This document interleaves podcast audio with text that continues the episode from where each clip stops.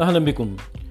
سئلت امرأة جميلة تجاوزت الخمسين من العمر ولها من الثقافة وتجارب الحياة ما يكفي للإجابة عن أي سؤال يطرح عليها.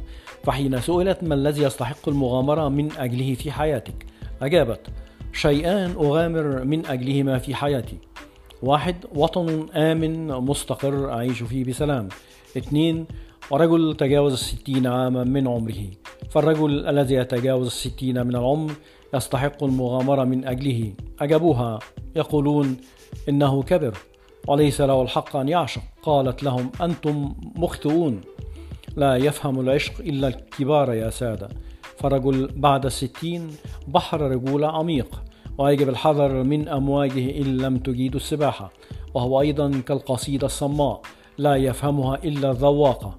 الرجل بعد الستين عاما لا يقاس عمره بالسنين والأعوام فهو مثل النبتة كلما أغدقت عليها بالحب والاهتمام ازدادت رجولته وهو مع براءته وصدق مشاعره يجمع كل مراحل العمر في سلة واحدة فهو مجنون حين يحب وطفل حين يبكي وناضج عند المواقف الصعبة جميل كالسلام قوي كالحرب رقيق كالخيال عاقل كالمنطق مجنون كالتاريخ وعظيم كمقاتل يدافع عن أرضه.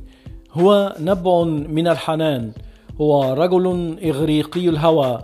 فرعون العشق بابلي الإحساس شامي الشعور عربي الشهامه والغيرة. إن ابتسم وجد ألف كوكب يدور حوله. هذا الرجل يحب بصدق ويعشق. بجنون إنه كل ما تتمناه أي امرأة. شكرا لك أيتها المرأة الذواقه وتهانينا لكل رجل تجاوز الستين من عمره. مهدى إلى شباب ما بعد الستين شباب قهوة المعشات شكرا لكم وإلى لقاء في حلقة قادمة إن شاء الله.